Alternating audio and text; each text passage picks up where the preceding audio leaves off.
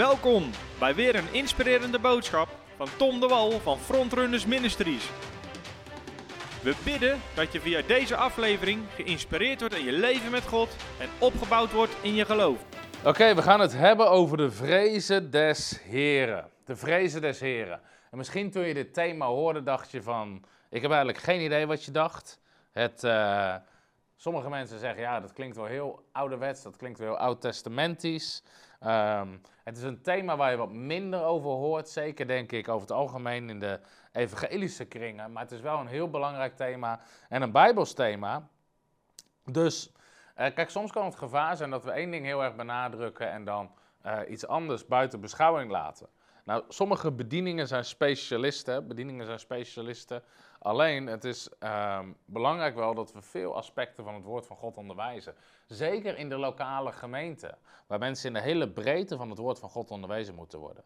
En wat ook een gevaar is, dat we, en dit zie ik heel veel gebeuren, dat er een contrast wordt gecreëerd tussen iets waar helemaal geen contrast is. Mensen denken altijd dat ze moeten kiezen tussen het een en het ander. Hebben we mensen zeggen van, ja nee, de vrezen des heren, daar geloof ik niet in. Ik geloof in genade. Ik geloof ook in genade. Ik heb een hele Grace School gedaan de afgelopen maanden, volgens mij twaalf lessen. Ik weet het niet eens meer precies uit mijn hoofd.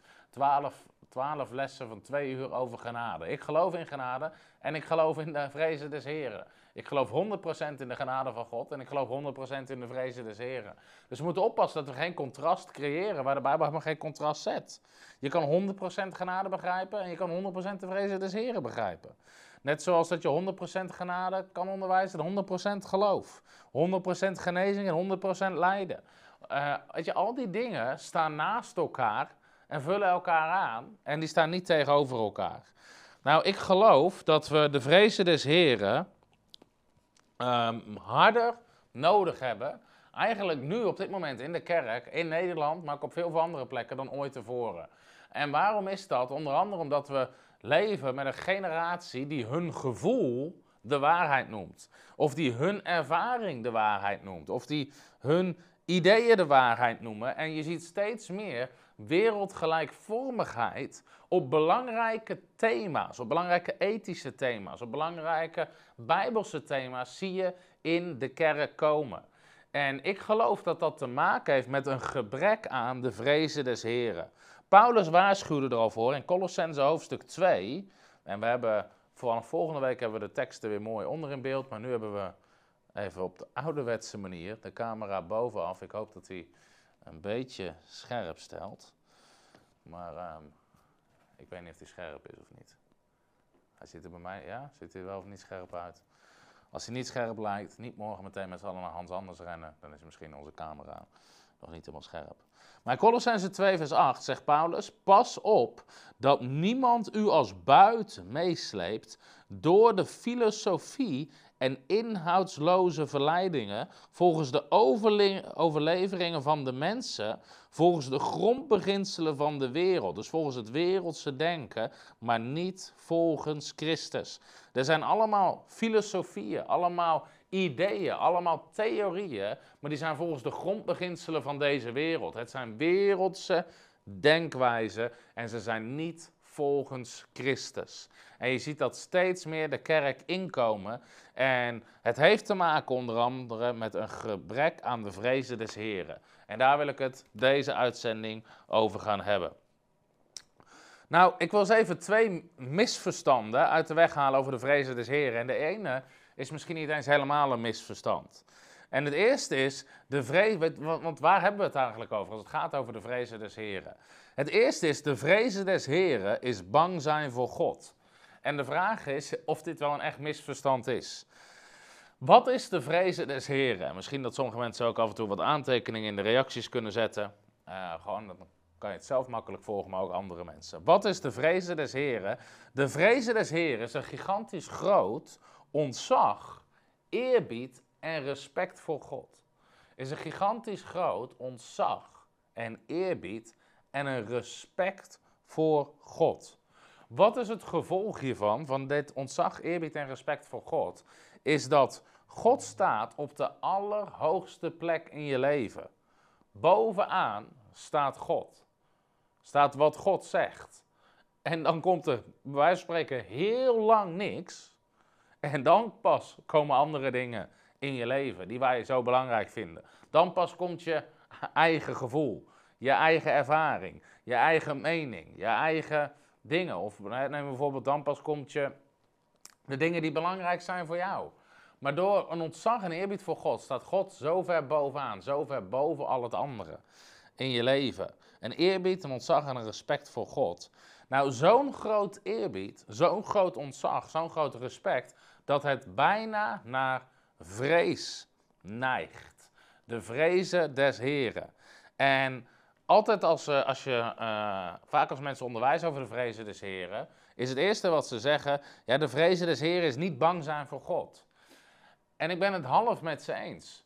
De vrezen des Heren, kijk, uiteindelijk is het uiteraard niet de wil dat we bang zijn voor God, want angst verwijdert. Het is niet gezond als we angst hebben voor God, want angst verwijdert. Maar de vrezen des Heren is zo'n groot ontzag en eerbied voor God dat het bijna naar vrees neigt.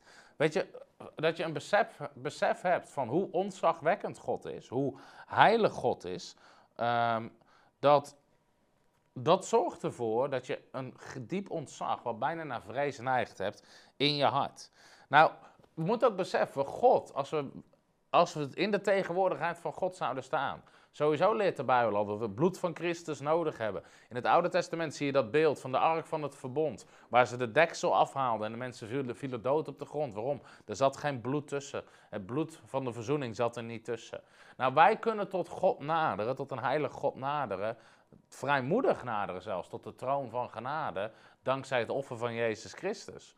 Maar we moeten wel beseffen, God is zo ontzagwekkend, zo heilig, uh, zo hoog verheven boven al het andere dat het is niet voor niks dat iedereen in de Bijbel die een ontmoeting heeft met God, valt op zijn gezicht, valt op zijn aangezicht, verbergt zich.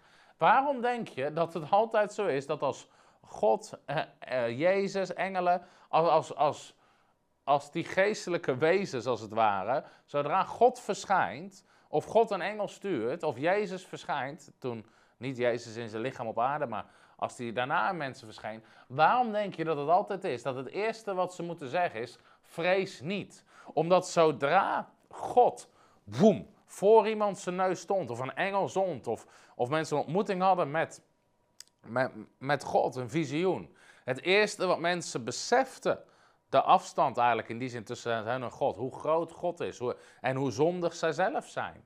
En onder het nieuwe verbond is dat natuurlijk anders door het bloed van Christus. Maar nog steeds is het zo ontzagwekkend. Is het zo ontzagwekkend.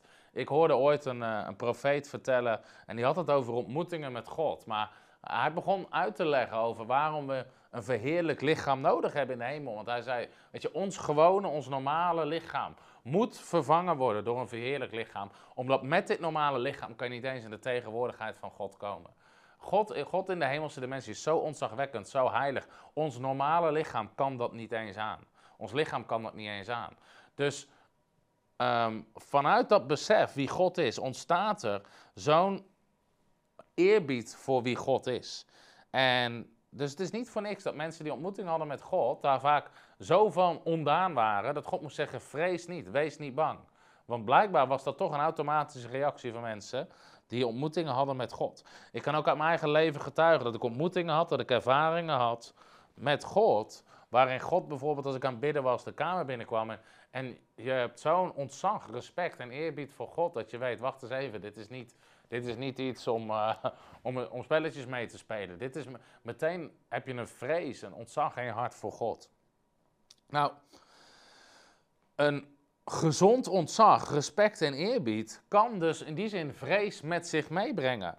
Als je tegenover sommige aardse autoriteitsfiguren staat, mensen die autoriteit hebben op aarde, dat zorgt al voor een bepaalde ontzag en eerbied. Uh, uh, en soms een bepaalde vrees dat je niks verkeerd zegt of niks verkeerds doet. Uh, vanuit eigenlijk een stuk ontzag. Nou, misschien vinden sommige mensen dit een raar voorbeeld, maar omdat mensen zeggen altijd ja, maar vrees en liefde gaat niet samen. Nou, vrees en liefde op een gezonde manier gaat samen. En dus misschien vinden mensen dit voorbeeld raar, maar als je kijkt in het voorbeeld van een huwelijk, ik denk dat de meeste mannen weten, je wil je vrouw niet boos maken. Je houdt van je vrouw, maar misschien heb je wel bepaalde vrees als ze boos wordt. En ik zat te denken aan een grappig voorbeeld. En, ehm, maar, ehm, dus ik dacht, laat ik eens een voorbeeld pakken aan mijn eigen leven. Ik hield vroeger nogal van vuurwerk en het kon me niet hard genoeg. En dus ik vond het altijd schitterend, hoe harder, hoe beter. Alleen sinds dat ik een relatie met Femke en sinds dat ik getrouwd ben, Femke wil het niet. Dus zo braaf als ik ben, doe ik het niet meer. En zeker niet nu we kinderen hebben. Uh, Femke wil het niet. En, uh, dus ik doe het niet. Alleen een tijd terug, toen uh, vlak voor oud en nieuw, toen sprak ik iemand en die had het over vuurwerk. En die had, die had vuurwerk wat gigantisch hard klapte. En hij zat erover te vertellen. Ik zei, ah, mooi, gaaf, leuk. En we hadden zo'n gesprek en hij zei, nou, weet je wat, ik kan ook wel wat voor jou regelen. En dus ik zei, ja, nou, dat is een goed idee. In ieder geval, ik had alleen Femke, die stond ook in die kamer.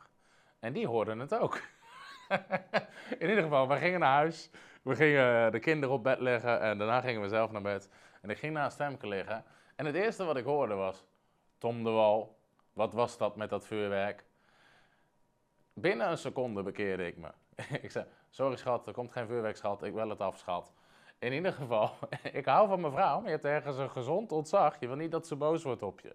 Nou, dit is even misschien een gekscherend voorbeeld, maar mensen zeggen ja, liefde en vrees kan niet samengaan.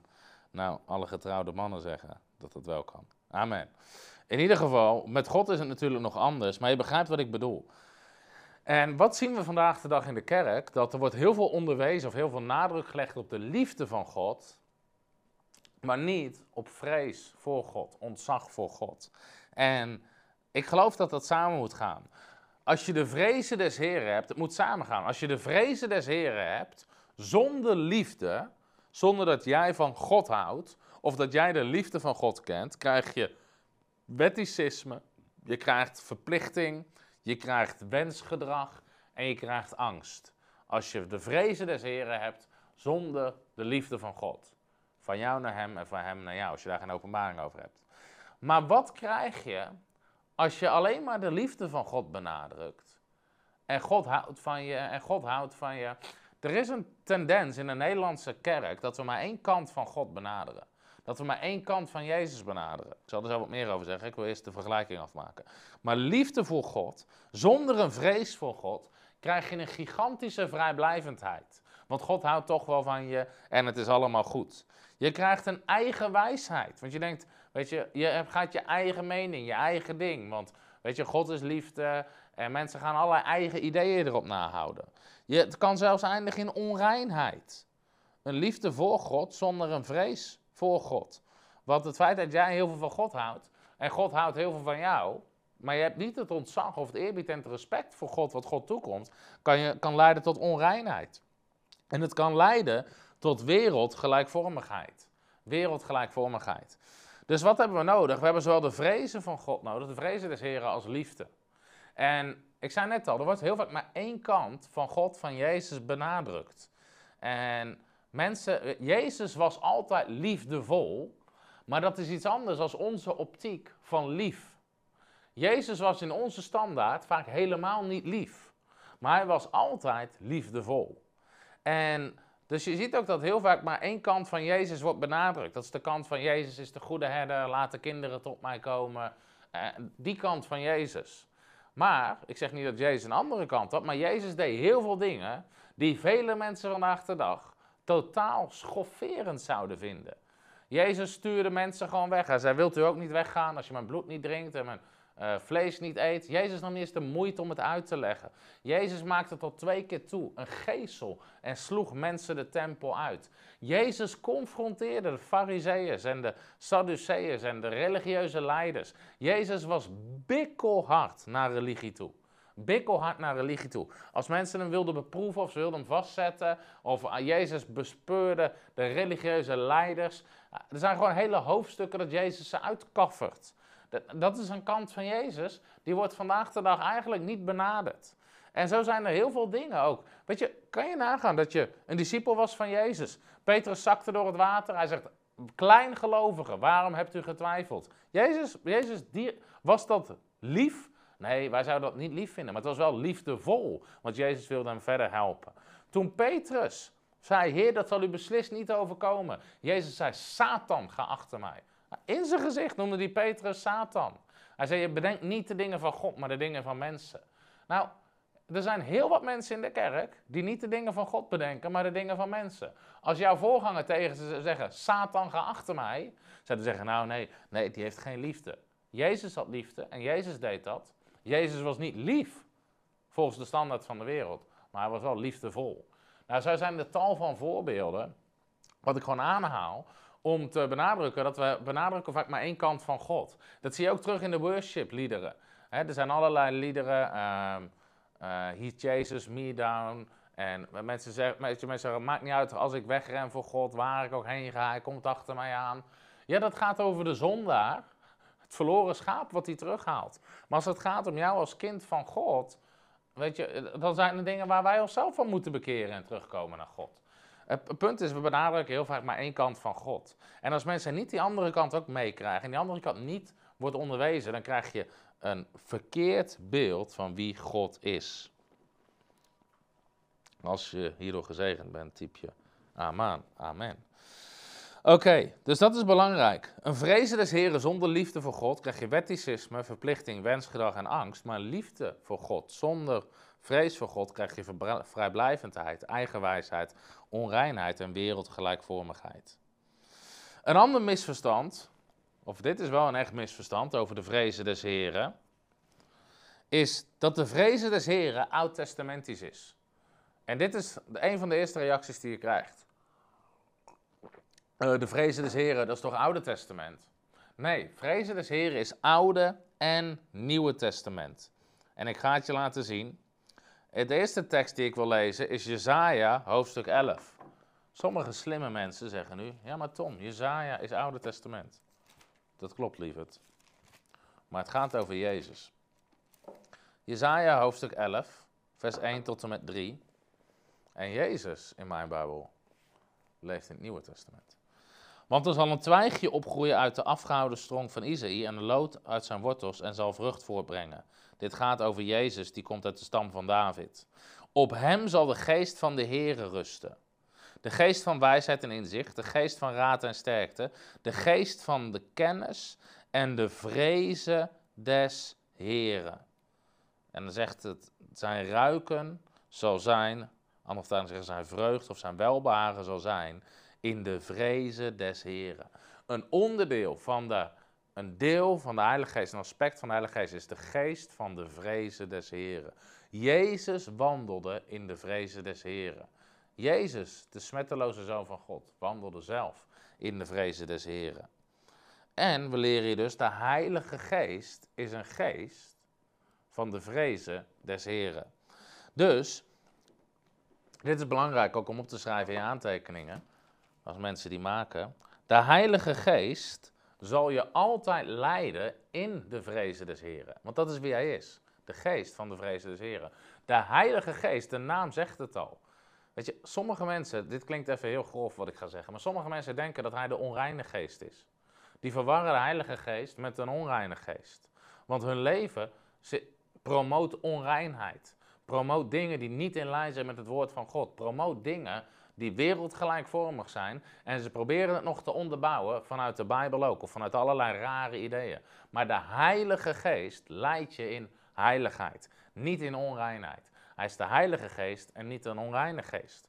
Dus de Heilige Geest is de geest van de vrezen des Heren. Mensen die allerlei soorten thema's proberen te rechtvaardigen.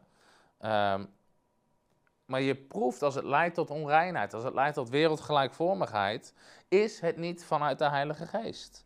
Nou, de gemeente in Handelingen, Handelingen hoofdstuk 9 vanaf vers 31, dit is een sleuteltekst over de vrezen des Heren. En Handelingen zit in het Nieuwe Testament. Handelingen 9 vers 31. Dit spreekt over de gemeente, dit is een hele mooie tekst.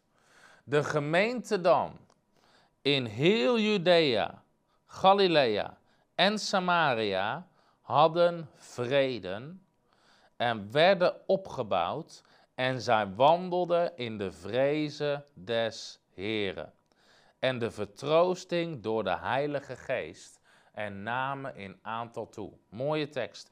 De gemeente dan in heel Judea, Galilea en Samaria hadden vrede.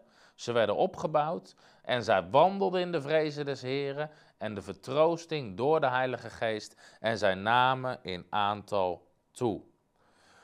Dit is zo mooi, want hier somt het op. De gemeentes die tot nu toe waren ontstaan in, in, Judea, Samaria, Galilea.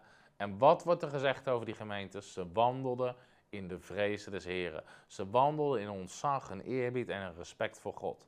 Nou, zouden we dit kunnen zeggen over de kerken vandaag in Nederland? Als we zouden zeggen, en de gemeente dan in heel Nederland, in Noord-Brabant, in Groningen, in Limburg, in Overijssel, alle provincies. Zouden we hetzelfde kunnen zeggen? Zij wandelden in de vrezen des Heren. En hier zie je dus het Nieuwe Testament. Waar waren ze mee bezig? God pleasing, God behagen, ontzag en eerbied voor God en niet people pleasing. En het staat er eigenlijk zo mooi, dat je eens op, kijk wat hier staat. Ze hadden vrede, dat is een mooi woord. Ze hadden vrede, in andere woorden, ze hadden niet allerlei conflicten, allerlei gedoe. Ze werden opgebouwd, dus ze werden sterker. En dan staat er, en ze namen in aantal toe, dus ze breidden zich uit. En hoe kwam dat? Ze wandelden in de vrezen des Heren en de vertroosting van de Heilige Geest. Zie je dat ze samengaan? De vrezen des Heren en de troost van de Heilige Geest is één. En dus je kan de vrezen des Heren, ontzag, eerbied en respect voor God, staat, gaat helemaal samen met de troost van de Heilige Geest. Met de bemoedigende, troostende, helpende kant van de Heilige Geest. Nogmaals, als mensen een bemoedigende, troostende, helpende kant aanbieden van God, zonder vrees voor God, gaat het mis. Zonder ontzag, want je gaat niet. Dat is het niet vanuit de Heilige Geest, maar het is vanuit de ziel. De ziel, vanuit het hart van de mens. Maar het hart is bedriegelijk, zegt de Bijbel. Hele mooie tekst. 1 Petrus 2, vers 17. Ik laat je gewoon zien dat het Nieuwe Testament hierover spreekt.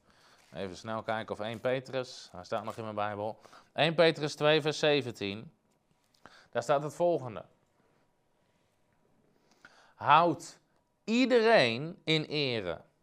Heb al uw broeders lief. Vrees God en eer de koning. Vrees God, dit is een opdracht. 1 Petrus 2, vers 17. Vrees God. En er is nog een belangrijke tekst over de vrezen des Heeren in het Nieuwe Testament. In 2 Korinthe hoofdstuk 5. 2 Korinthe hoofdstuk 5, vers 11. We gaan even lezen, eerst trouwens vanaf vers 9.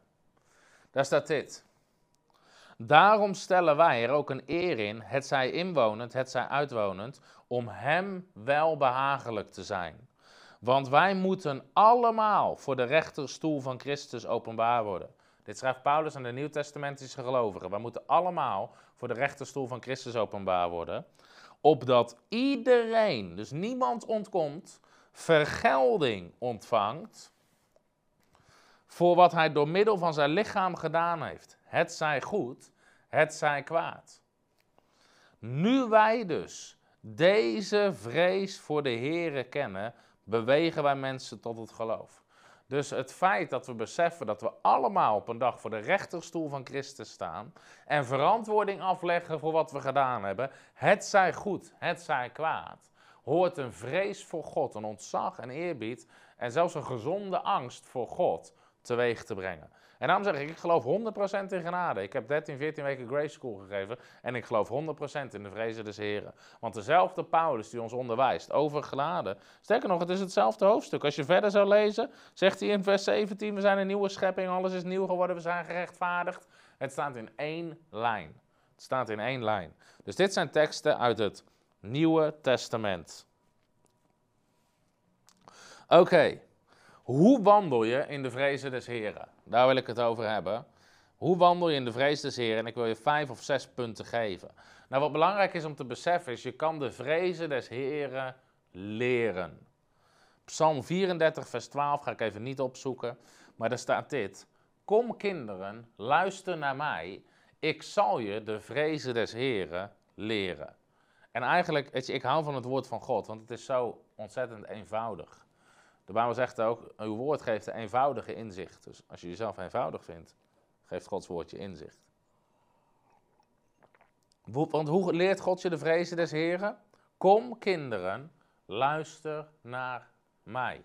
In andere woorden, God nodigt je uit om naar Hem toe te komen en naar Hem te luisteren. En dan leer je de vrezen des Heren. Luister naar wat God zegt. Heb respect voor wat God zegt. En dan leert God je de vrezen des Heren. Nou, ik wil eens een aantal aspecten noemen van de vrezen des Heren. En hoe je daarin kan wandelen. Want wat, wat stond er over de gemeente in handelingen? Zij wandelden in de vrezen des Heren. Dus het was een levensstijl, hoe zij wandelden. Het eerste, um, eerste punt, en misschien kunnen mensen hem ook weer in de reactie zetten, is besef dat de vrezen des Heren het begin is van alle wijsheid en kennis. De vrezen des Heren is het begin van alle wijsheid en kennis. Ik zoek even Spreuken, hoofdstuk 1 op. Vers 7. Daar staat dit. De vrezen des Heren is het beginsel van de kennis. Dwazen verachten wijsheid en vermaning. De vrezen des Heren is het beginsel van kennis. Even één bladzijde verder, Spreuken 3, vers 10. Even kijken, die heb ik hier niet goed staan. Um, hij staat verkeerd in mijn aantekeningen, zie ik. In ieder geval een andere tekst uit Spreuken zegt: Het begin van wijsheid is de vrezen des Heren en de kennis van de Heilige is inzicht. De vrezen des Heren is het begin van kennis. Nou, waar begint kennis? Waar begint wijsheid? Mensen kunnen van zichzelf vinden dat ze gigantisch slim zijn, dat ze gigantisch veel wijsheid hebben. Maar als het niet ontstaan is vanuit een ontzag en eerbied en een respect voor God, noemt de Bijbel het dwaasheid. De vrezen des Heren is het begin van kennis. Een mooie omschrijving van God vind ik dat het Nieuwe Testament in Romeinen 16, vers 27 en Judas 1, vers 25, daar wordt God de alleen wijze God genoemd. Een hele mooie omschrijving van wie God is, de alleen wijze God. Hij is de alleen wijze God. Buiten God om is er geen wijsheid. En um, de vrezen des Heren, dus hoe mensen denken, is als wij beginnen te denken vanuit een ontzag en eerbied en een respect voor God. Dus hoe denkt God hierover? Wat zegt God hierover? Dat is het begin van kennis en wijsheid. Maar als we vanuit onze eigen gedachten, emotie, gevoel gaan denken en redeneren, dat is dwaasheid. De vrezen des Heeren, ontzag en eerbied en respect voor God, is het begin van wijsheid en kennis. Nou, waarom zei ik al dat we, uh, dat we dit nodig hebben?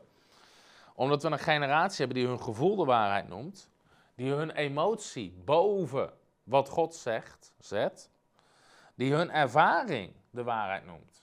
Hun gevoel, hun ervaring, hun emotie. En boven het woord van God zegt. En nogmaals, we zien dus een kerk die verleid wordt om steeds meer wereldgelijkvormig te worden. In hoe er tegen allerlei thema's aangekeken wordt. En ehm, het denken, de redenatie, is niet vanuit, en ik ga je zo meteen leren hoe je dat onderscheid kan, kan zien, is niet vanuit de vrezen des Heers, niet vanuit ontzag voor God.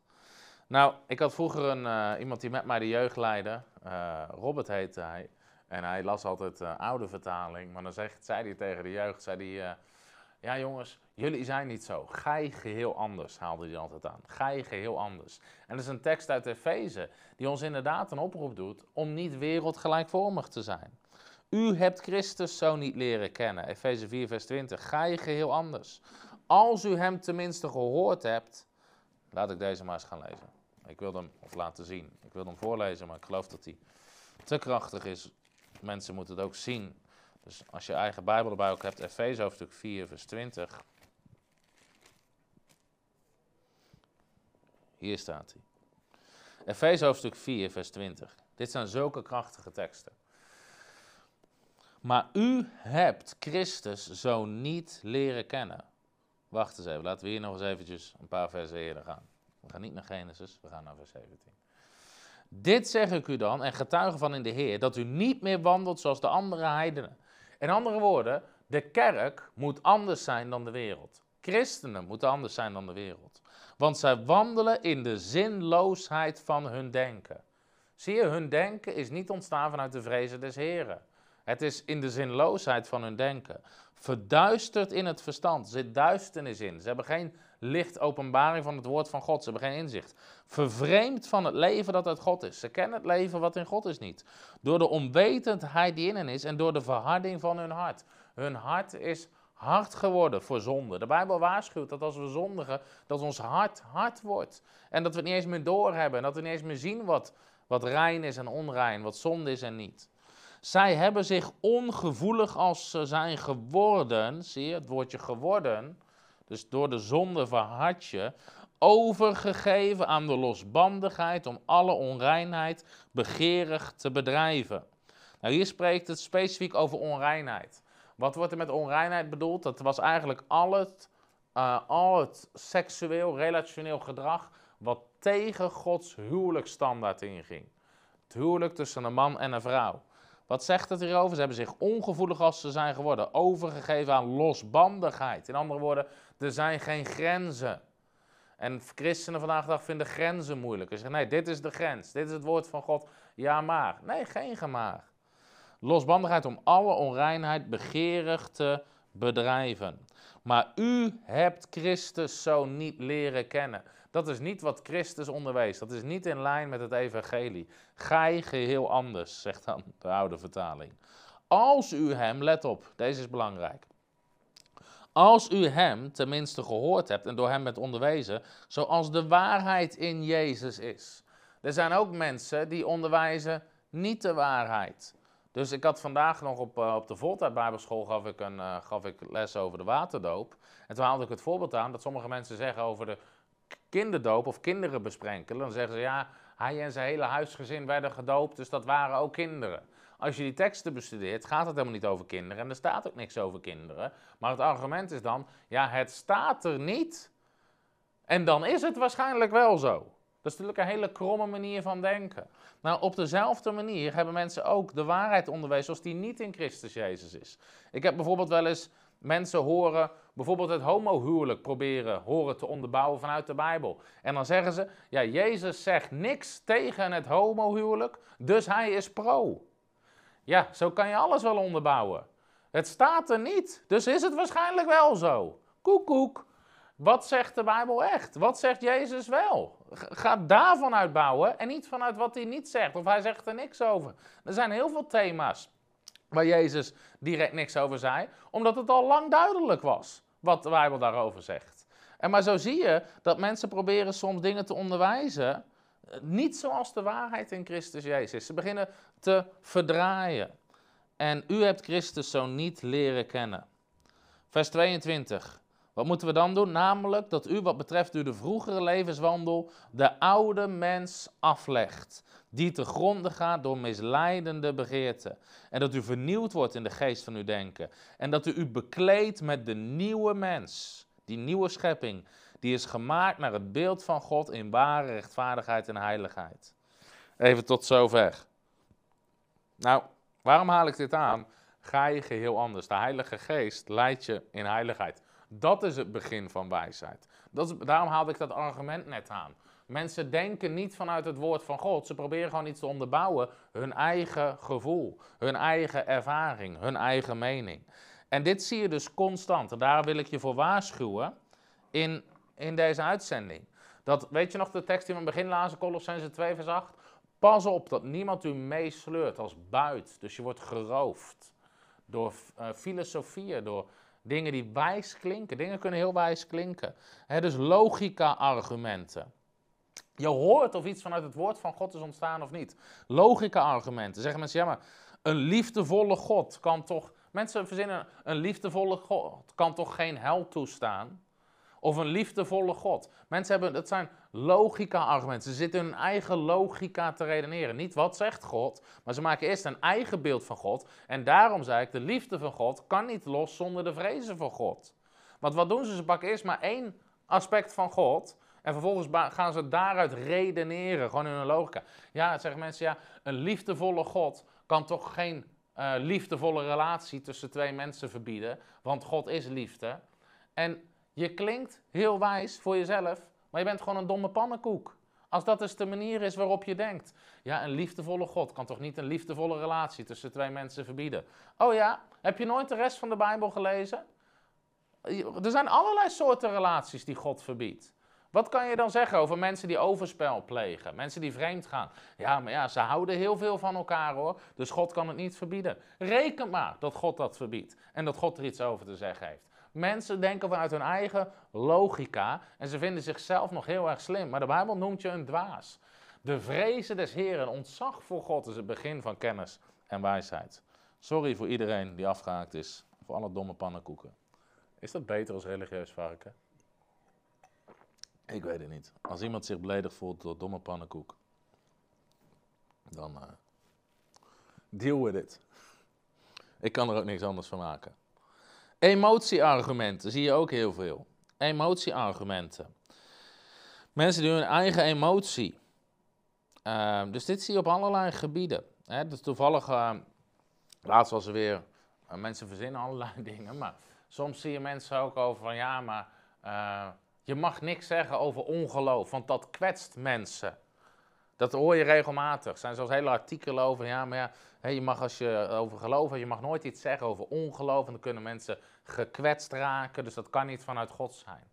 Het feit of iemand gekwetst raakt of niet, zegt niks over het feit of iets een bijbelse waarheid is of niet. Jezus had Petrus kunnen kwetsen toen hij zei: Kleingelovige, waarom heb je getwijfeld? Man, als dat vandaag de dag was, had Petrus huilend bij pastoraat gezeten. En toen kwetste hij mij. En dit voelt niet goed. Dat kan niet van God zijn. Het was God zelf. Weet je, mensen, mensen zitten, in hun eigen gevoel. Mensen zitten in hun eigen emotie. Je hebt ook heel veel mensen die zetten hun ervaring boven het woord van God. dus als je onderwijst over gebed of als je onderwijst over genezing, ja, dat is niet zo, want mijn tante. Nou, die tekst staat niet in de Bijbel want mijn tante. Wat zegt het woord? En mensen vinden dat zomaar, ze zitten, ja maar, ja maar, ja maar. Nee, geen, ja, in het Engels, yes but. That's the problem, you and your big butt. Ah, weet je, haal dat ding aan, wat zegt het woord? Het begin van wijsheid en kennis is de vrezen des Heren, is een ontzag voor God. Zie je nou mensen die gebed vragen en uh, je kan dan bellen met het nummer wat onder in beeld komt. In ieder geval, allerlei dingen die mensen boven het woord van God zetten. En mensen proberen een, een beeld van God, wat ik net al zei, mensen, ja, de liefde van God vind ik mooi, God houdt van mij, maar het, de oordeelskant van God, eh, nee, nee, nee, nee, dat kan niet. Maar dan, weet je, God, ik zeg wel vaak, God is niet wie jij denkt dat hij is, God is wie hij zegt dat hij is. En het is juist goed als sommige aspecten van het woord van God je tegenspreken. Waarom? Dit is wat de Bijbel zegt in 2 Timotheus 3, vers 16.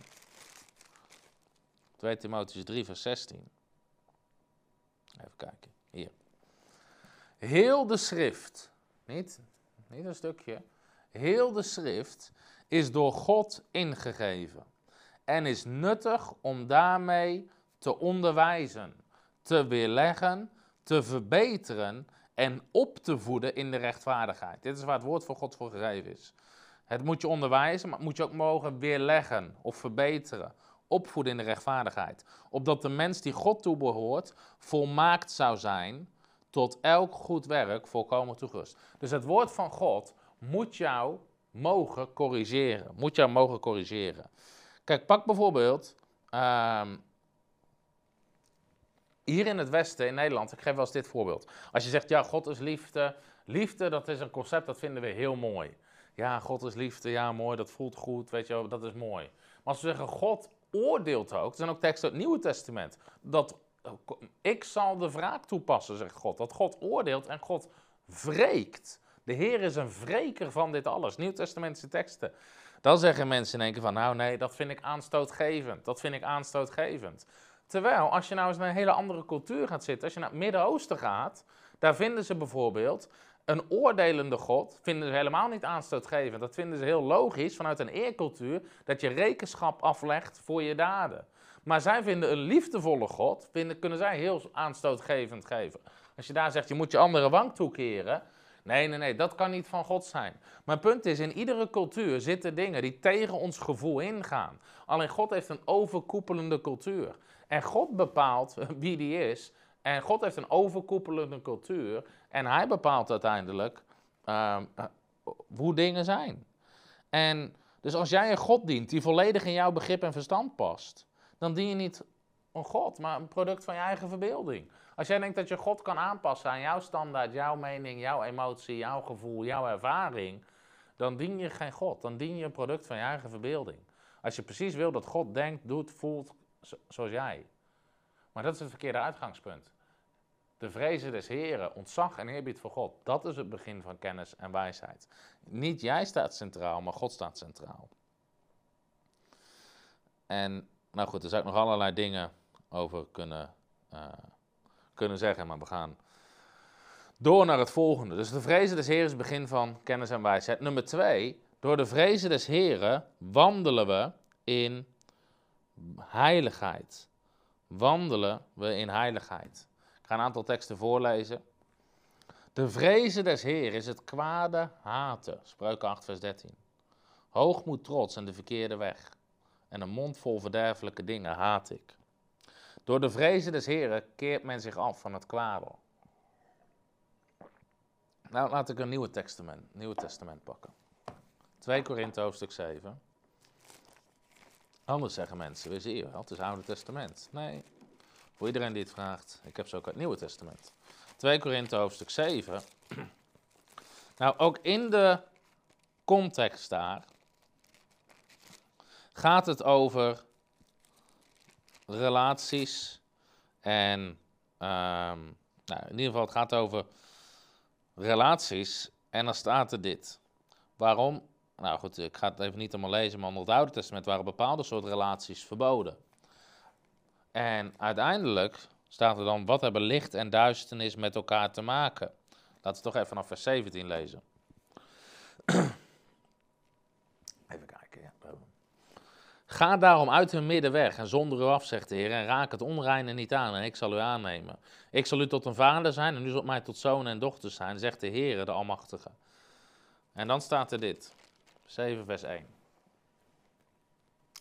Omdat wij dan deze belofte hebben, geliefde, laten wij onszelf reinigen van alle bezoedeling, van alle besmetting van vlees en geest en de heiliging volbrengen in het vrezen van God. De heiliging volbrengen in het vrezen van God. Voor een heilige levenswandel, levensheiliging, is het vrezen van God is ontzettend belangrijk. Als je een eerbied, een ontzag en een respect voor God hebt. Het voorbeeld wat ik gaf aan het begin van mijn vrouw, dat is mijn vrouw zegt, Tom de Wal, wat ben je aan het doen? Ergens denk ik meteen, oeps.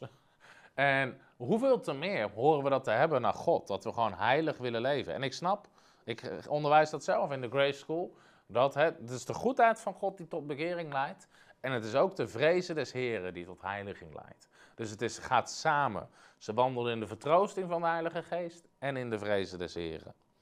Dus door de vrezen des Heren keer je af van het kwade. Ik hoorde een laatste getuigenis van twee mensen die samenwoonden, maar ze hadden niet een bijbelse relatie. Maar ze besloten iedere dag samen om, ze noemden zich christen, dus gingen, iedere dag gingen ze samen de Bijbel lezen. En op een gegeven moment kwamen ze tot de conclusie, iedere bladzijde uit het woord spreekt tegen onze levensstijl en tegen onze relatie.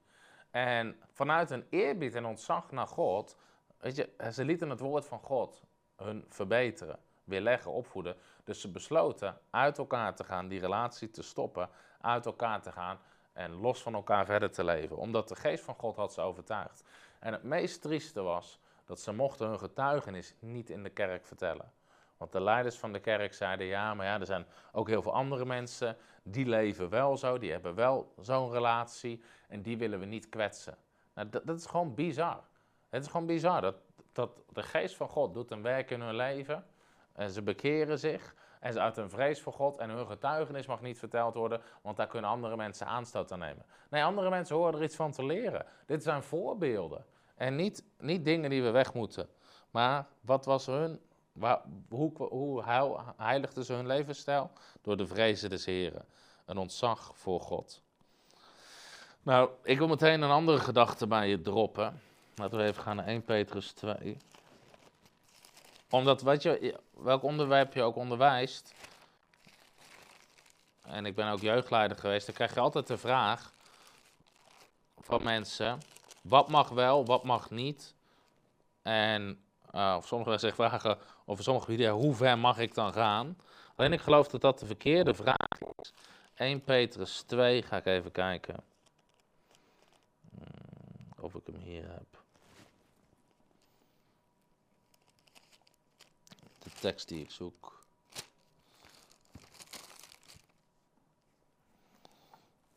Ja, 2 Petrus 1 is het. 2 Petrus 1.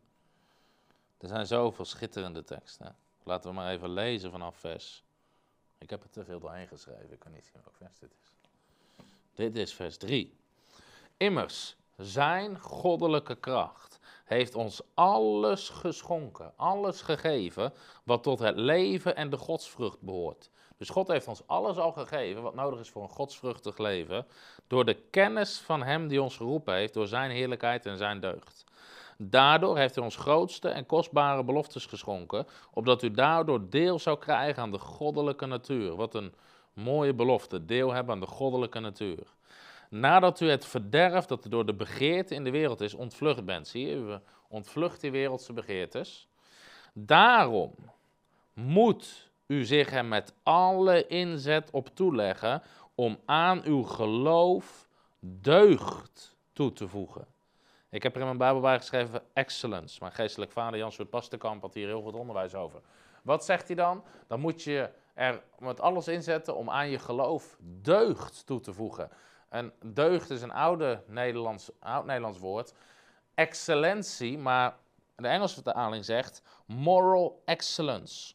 Moral excellence. En waarom haal ik dit aan, denk je nu misschien? Heel veel mensen hebben de vraag: wat mag wel, wat mag niet? Hoe ver mag ik gaan? Mijn punt is, dat is als kind van God totaal de verkeerde vraag. Een kind van God moet zich niet afvragen, wat mag wel, wat mag niet, of hoe ver mag ik gaan, maar wat is het beste? Wat is het meest excellente om te doen? En dat is een hele andere manier van denken dan wat mag wel, wat mag niet. Wat voeg je toe aan je geloof? Excellentie, morele excellentie, deugd. Ik weet niet of mensen nu nog weten wat dat betekent, maar je moet, je moet deugd aan je geloof toevoegen. Excellentie, dat is een hele andere manier van denken. Oké, waar zorgt de vrezen voor, des Heren nog meer voor? Het maakt God het allerbelangrijkste in je leven. Het maakt God het allerbelangrijkste in je leven. Waarom de Nieuw Testament wandelde in de vrezen des Heren. Maar als ze werden vervolgd, als ze werden tegengesproken, dan zeiden ze: We moeten God meer gehoorzamen dan mensen. Ze hadden geen angst voor mensen, ze hadden een vrees voor de Heer. De Bijbel zegt, angst voor mensen spant een strik, spant een val. Heel veel mensen lopen met, met mensenvrees. Heel veel kerken zitten vol mensenvrees. Je wil niet weten hoeveel voorgangers er zijn. Sprekers die zeggen, maar, ja Tom, ik geloof precies hetzelfde als jou, maar ik zeg het niet, want ik ben bang. Voor de kritiek, voor de reacties, voor, de, voor het gezeur. En mensenvrees, angst voor mensen. Maar waar horen we vrees en ontzag te hebben? Voor God. Op een dag sta je voor de troon van God en moet je rekenschap afleggen voor wat je gedaan hebt, voor wat je gezegd hebt, voor wat je geleerd hebt. Weet je, en dan zijn al die mensen waar je nu druk om maakt, die zijn daar niet. Dan is het jij en God. Jij staat voor God en jij moet rekenschap, de verantwoording afleggen voor wat je gedaan hebt. Dus de vrezen des Heren maakt God het allerhoogste gezag. Weet je, ik wil recht staan voor God. Ik wil recht staan voor God. En wat mensen er vervolgens van vinden, dat interesseert me echt geen ene reet. ik had, laatst had ik een, voor de mensen die het gezien hebben, niet iedereen pakte de grap. Iemand stuurde mij een liedje toe. En de titel van het liedje, of het liedje was, dat interesseert me echt geen ene reet. Is geen christelijk liedje, helemaal niet. Maar ik vond het wel grappig. Dus ik, ik zette het in de, in de stories op Instagram. En volgens mij ging het erover als mensen kritiek hebben, of weet ik veel wat, mensen die overal moeite mee hebben. En dan was de conclusie, dat interesseert me echt geen ene reet. In ieder geval, heel veel mensen konden er niet om lachen. Maar ik vond het wel grappig. En Sommige mensen snappen niet wat humor is. Maar uh, aan de ene kant is het natuurlijk een grapje, zo'n liedje. Maar aan de andere kant, sommige dingen interesseren me echt geen ene reet. Als mensen zeggen, ja, maar weet je wat die ervan vindt weet je wat die... Het interesseert me echt geen ene reet. Wat me, wat me interesseert is dat ik op een dag voor God sta en dat ik recht sta voor God. En dat ik God bij wijze van recht in de ogen kan kijken en zeggen, Heer, ik heb uw woord onderwezen. Ik heb niet onderwezen wat mensen van me verwachten. Ik heb niet onderwezen het gevoel, de ervaring. Ik heb gewoon uw woord onderwezen. Ik heb uw woord onderwezen. En, en ik wil recht staan voor God. En wat al die andere mensen ervan vinden, dat interesseert me echt geen ene reet. En daarom heb ik ook gewoon besloten, ik ga mijn boodschap niet aanpassen. Ik ga dingen niet aanpassen. Het is take it or leave it. Vind je het mooi? Word je erdoor gezegend? Prijs de Heer, geniet ervan. Maar als mensen, sommige zeggen mensen, ik ben het niet met je eens. Prima, dan ga je iets anders luisteren, ga je iets anders doen. Maar ik, ben, ik wil gewoon het woord van God onderwijzen en ik wil recht staan voor God. Ik wil meer vrees hebben en ik heb meer vrees voor God dan voor mensen. Een ander gevolg voor de vrezen des Heren, nummer vier, we hebben het over wandelen in de vrezen des Heren, is aanbidding. Is aanbidding. Ik zal echter door uw grote goede tierheid uw huis binnengaan en mij buigen naar uw heilig paleis in vrezen voor u. Psalm 5, vers 8. Nou, aanbidding, bijbelse aanbidding, is onze automatische reactie op wie God is. En dit zie, je natuurlijk al, hè? dus ontzag, eerbied.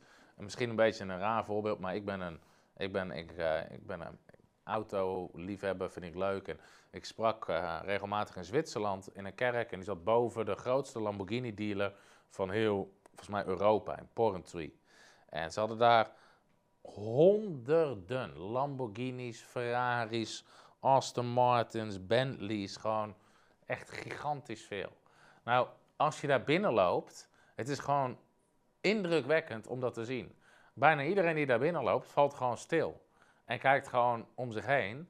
En een bepaalde, uh, een bepaalde automatische reactie van ontzag, indruk. Dat je daar loopt en denkt, goeiedag. Weet je, het maakt gewoon indruk. Nou, dat is even een, even een natuurlijk voorbeeld. Maar hoeveel te meer God?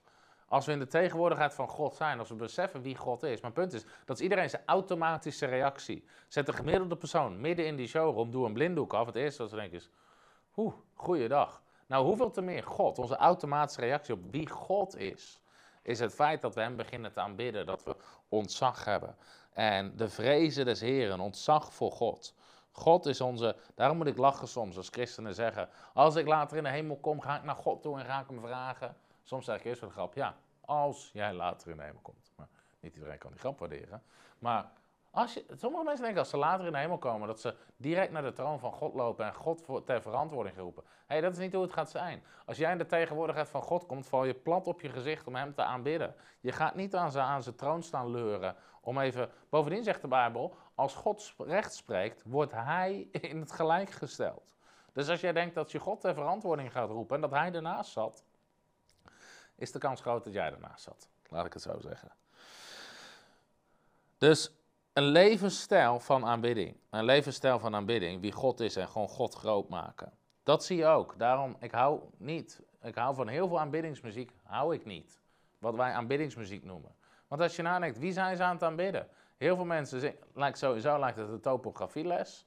Aardrijkskunde, het gaat over bergen, dalen, woestijnen, zeeën en de hele, alles wordt aangehaald, behalve God. Of het gaat om ons. Hoe wij ons voelen, wie wij zijn. Maar wat is aanbidding? Aanbidding is God groot maken, is Hem eer geven, is Hem verhogen. En dus de, de meest krachtige aanbidding is gewoon simpele aanbidding die God verhoogt.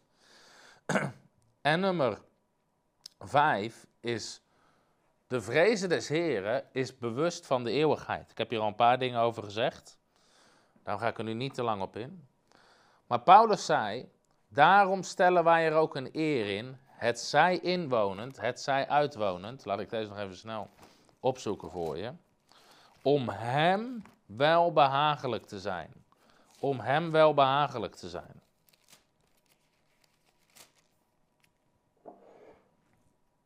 Even kijken, hier is hij. Daarom stellen wij er ook een eer in. Het zij inwonend, het zij uitwonend, om hem wel behagelijk te zijn. Want wij moeten allemaal voor de rechterstoel van Christus openbaar worden. Opdat iedereen vergelding ontvangt. Niemand ontkomt op die dag. Hier op aarde kunnen mensen weglopen, maar daar niet. Omdat we vergelding ontvangen voor wat wij door ons middel van ons lichaam hebben gedaan. Het zij goed, het zij kwaad. Nu wij dus deze vrees voor de Here kennen, bewegen wij mensen tot het geloof. Nou, het feit dat je beseft, ik heb daar preek over, om ik leven in het licht van de eeuwigheid. Leven gericht op de eeuwigheid. Het aardse leven is zo ontzettend kort vergeleken met de eeuwigheid. Maar beseffen dat je op een dag voor de troon van God staat.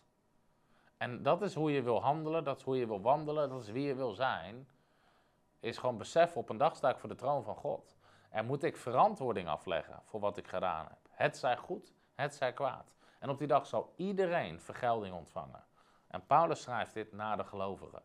Dus dit zorgt, nu wij dus deze vrezen des Heren kennen. Dit zorgt voor een ontzag, een eerbied en een respect voor God. Het zorgt voor een vrees voor God. Een leven gericht op de eeuwigheid. Jezus vertelt ook een gelijkenis over een rijke dwaas in Lucas hoofdstuk 17 of 19. En het was een rijke man en die werd rijker en rijker en zijn schuren zaten vol. En dan een gegeven moment zegt hij, ik ga nog grotere schuren bouwen. En hij bouwt nog grotere schuren en op een nacht sterft hij. En dan zegt hij, en dan zegt het dwaas, er zal rekenschap van u gevraagd worden. En zo zal het zijn met iedereen die niet rijk is in God. Die man was alleen maar bezig met zijn leven hier op aarde. En volgens het aardse leven was hij stinkend rijk en had hij meer en meer en meer. Maar boem, hij stierf onverwacht. En hij moest rekenschap afleggen voor God, voor wat hij gedaan had. En Jezus zegt, zo is het met iedereen die niet rijk is in God. Dus je wil rijk zijn in God, je wil rijk zijn in de eeuwigheid. Daarom zegt Jezus, verzamel geen schatten op aarde, maar verzamel schatten in de hemel. Verzamel beloningen in de hemel. Je wil rijk zijn in God en je wil een leven leven gericht op de eeuwigheid.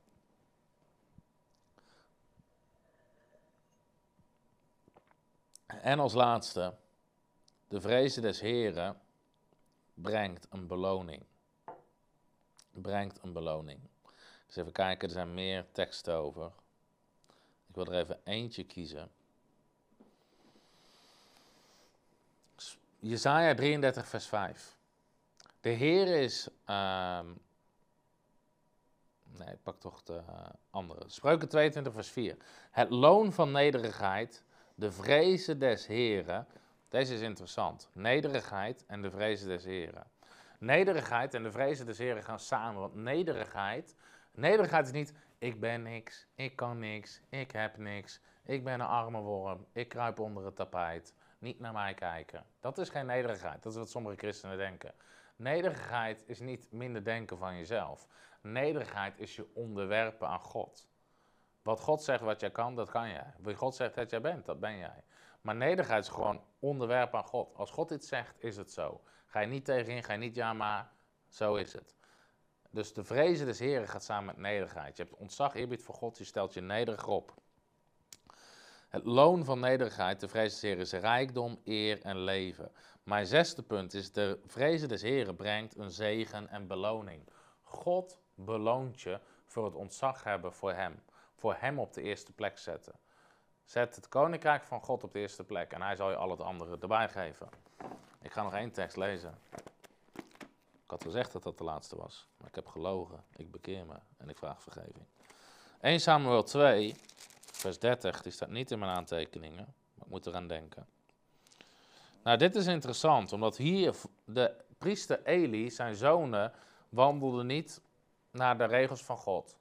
En Eli wilde ze niet corrigeren. En dan staat er dit.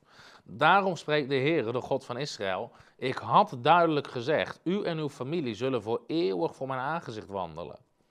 Maar nu spreekt de Heer: Er is bij mij geen sprake van. Want wie mij eren, zal ik eren. Wie mij eren, zal ik eren. Wat is het woord eren? Wie mij belangrijk vinden. Dus dit is interessant. Wie mij eren, zal ik eren. Wie mij belangrijk vinden, zal ik belangrijk vinden. Is iedereen even belangrijk voor God? Als jij God belangrijk vindt. Maar wie mij verachten, zullen zelf veracht worden. Wie mij licht achten, zullen zelf ook licht geacht worden. Deze mensen hadden geen ontzag voor God. En dan zegt God, wie mij eren, zal ik eren. Maar wie mij licht achten, zal ik zelf ook licht achten. En God stoten ze als het ware af. Nou, mijn punt is, de vrezen des Heren, ontzag voor God, brengt een beloning met zich mee. En als jij leeft vanuit de vrezen des Heren, ontzag voor God, zal je in de wereld niet altijd je winst halen. Je zal in de wereld niet altijd je gelijk halen. Maar je weet, de vrezen des Heren is je beloning. Dus uh, misschien een voorbeeld bij ons. Wij worden gigantisch bekritiseerd en aangevallen in de media. En 99 van de 100 dingen, dingen die we nooit gezegd of gedaan hebben. Dingen die andere mensen over ons verzinnen. Dingen die mensen, gewoon allemaal leugens. Je natuurlijke mens heeft de neiging om jezelf te verdedigen. Snap je? Je natuurlijke mens wil opkomen voor je recht. Maar Jezus is ons voorbeeld en de Bijbel leert ons dat toen hij uitschold, schold hij niet terug. En toen ze hem belasterden, ging hij zichzelf niet verdedigen. Dus, je, nou in het natuurlijke zou dat gigantisch nadelig moeten zijn voor onze bediening. Maar, want weet je, mensen zouden allerlei dingen kunnen geloven over ons die niet waar zijn. Dus natuurlijke zou je zelf willen verdedigen, maar je loon ligt in de vrezen des Heren, ontzag en eerbied voor God. En God beloont je.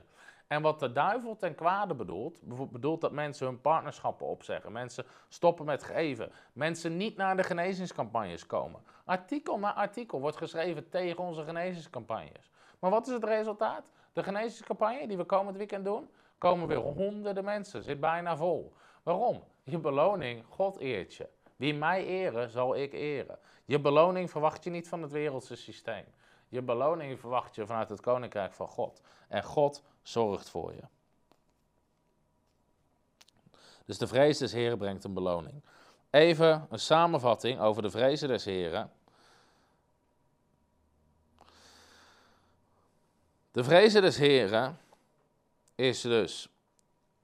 Het heeft te maken met echt vrees, ontzag en eerbied hebben voor God.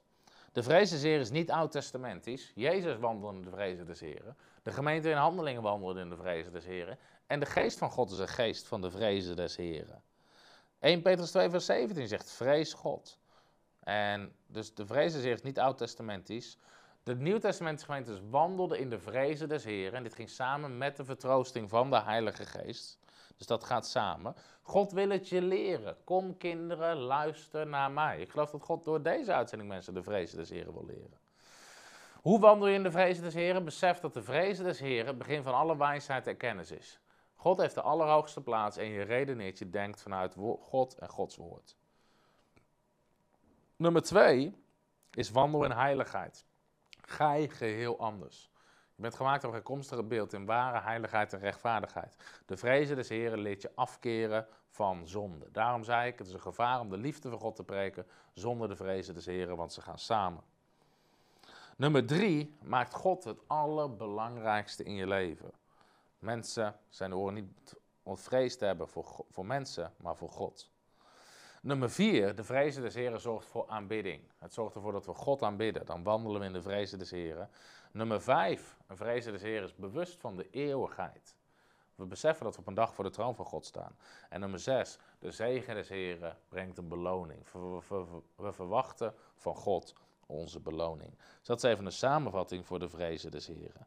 Dus ik bid en ik hoop dat je erdoor gezegend bent. We hebben gigantisch veel mensen die aan het kijken zijn.